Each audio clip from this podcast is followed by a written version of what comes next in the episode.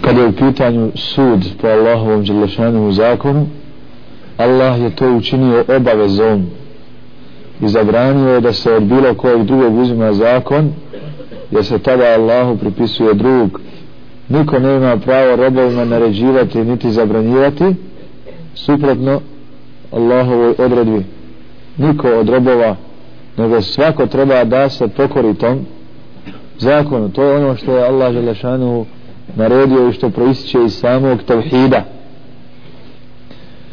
Nije u pitanju samo suđenje vlasti i vladara svojim podčinjenim nego ovdje čovjek može izaći iz vjere i kad mimo tog zakona vladarovog zadovolji se da mu sude običaji adeti da mu sure velikani njegovog plemena velika, e, veliki njegovi ahbabi. Pa čak da mu sveštenici sude i donesu zakon kakav nije Allah Đelešanu propisao pa čak i da mu njegova duša presudi kaže Allah Đelešanu nisi li vidio onoga koji je strast svoju za Boga svoga uzeo. Strast svoju za Boga svoga uzeo. Kako? tako što se pokorava mimo Allaha tabaraka wa ta'ala. I ova stvar je vrlo bitna i jako je opasna. Jer ljudi misle ako ako su se već naučili hakimije sudstvo i znaju njeno mjesto u islamu da je u pitanju samo odnos između vladara i počinjeni njemu a stvar je mnogo šira ne samo u sporovima koje rešava država i državni zakon nego čak u odnosima između ljudi. U sporu između mene i tebe gdje nećemo nikad se obratiti vlastima i njihovom sudu mora da nam taj spor riješi Allahov zakon ne smije da nam ga riješi neko drugi po svojoj strasti ili da mi po svojoj strasti ili da uzmemo običaj ovog ili onog naroda ili običaj, običaj svoga naroda ili rimski zakon ili nečije običaje tako dalje. Mora znači da se spor riješi kako je propisao Allah tabaraka nije dozvoljeno nikom nikom da se obrati za sud nekom pored Allaha želešanu ili da uzme sud zakona mimo Allahova zakona na ukoliko sitnoj stvari u čitavom svom životu. Allah želešanu kaže u suri Nisa mi smo te poslali ljudima sa istinom da im sudiš kako ti je Allah pokazao. Da im sudiš kako ti je Allah pokazao. Ne kako se tebi hoće da im od sebe sudiš kako ti Allah želešanuhu pokaže kako ti Allah želešanuhu naloži 105. ajet sura Nisa كذلك هذه القصة رواه البخاري bliži Buhari da su židovi kada je jedan od njih učinio zinalog a kazna u Tavratu za učinjenje zinalog oženjenoj oženjenom i udatoj je kamenovanje kao u Kur'anu.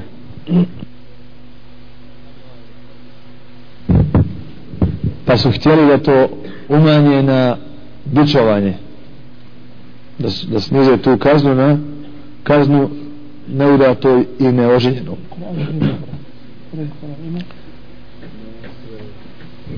Pa su se složili iako ne priznaju Allahova poslanika alaihi salatu wasalam ali ovdje je njihova korist.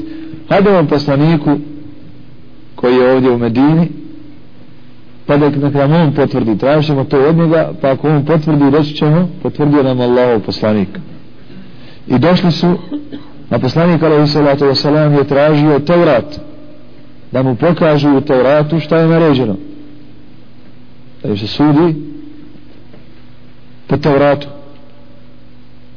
znao je poslanik alaihi sallatu wasalam da je u Tevratu isti propis kao u Kur'anu.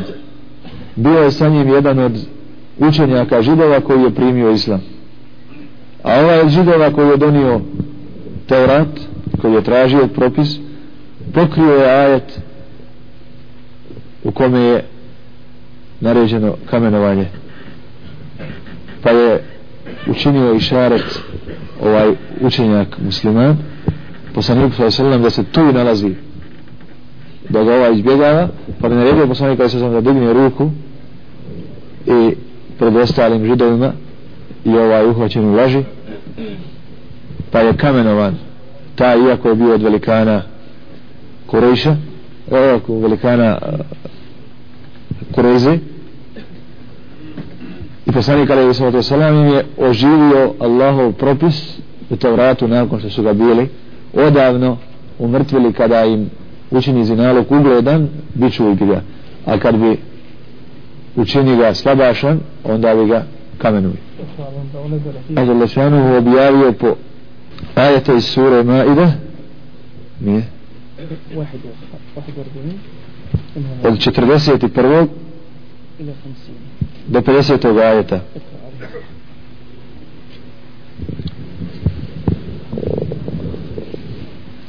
Sura Maida 41. do 50. Poslušajte.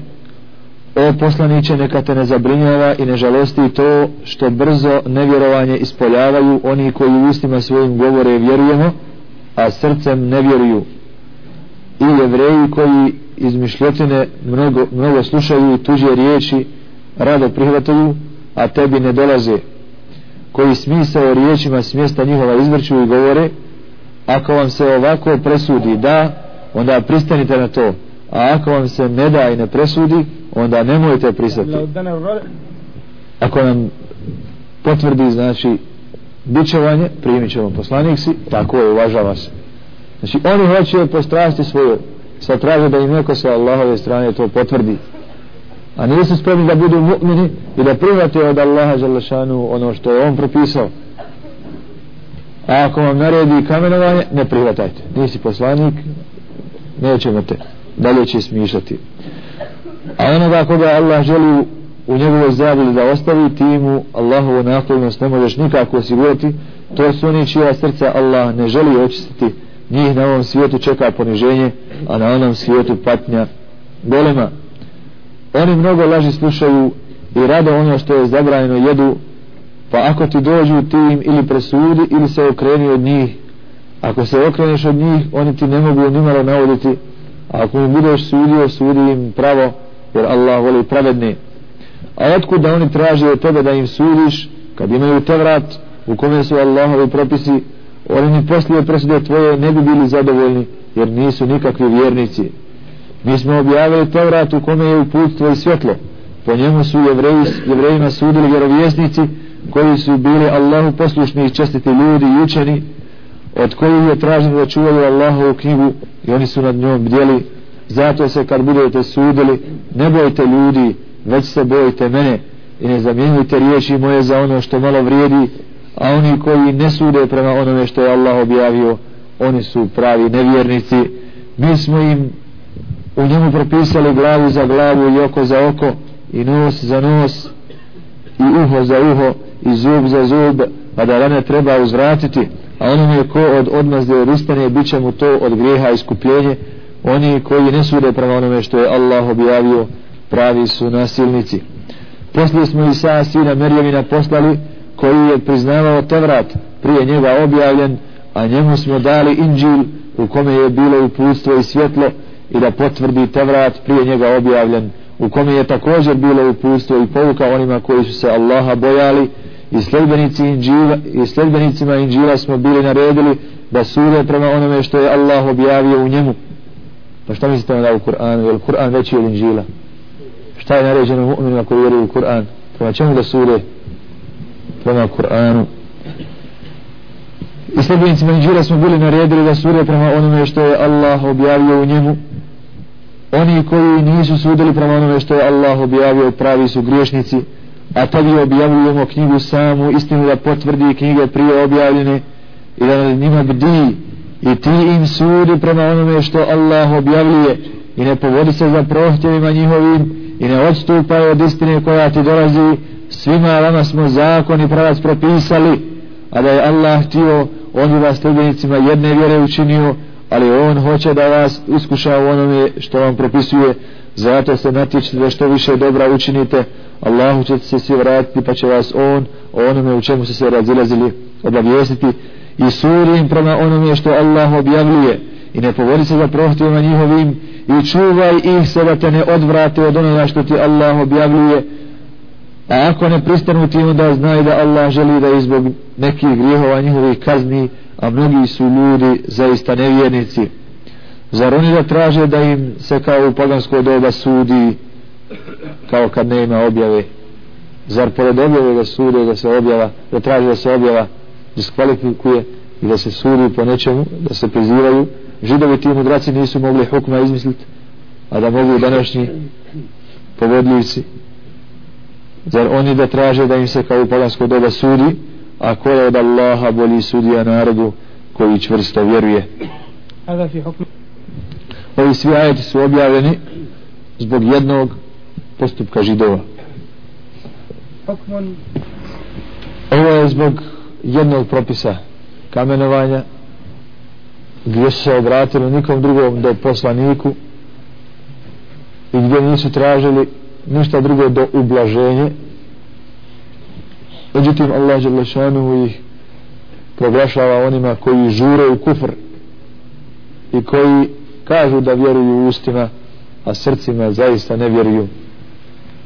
Kakav je onda slučaj sa umetom koji je mjesto Allahove knjige koju je samo na žemnazama i na ludima uzelo da, da funkcionira ili na, na nekim prigodama koje se puste preko radija ili na nekakvim zabavnim programima vjerskim ili, ili druženjima kad treba da se zabave da, da jednu noć ispune nečim se tako lipo druže pa počnu s Kur'anom.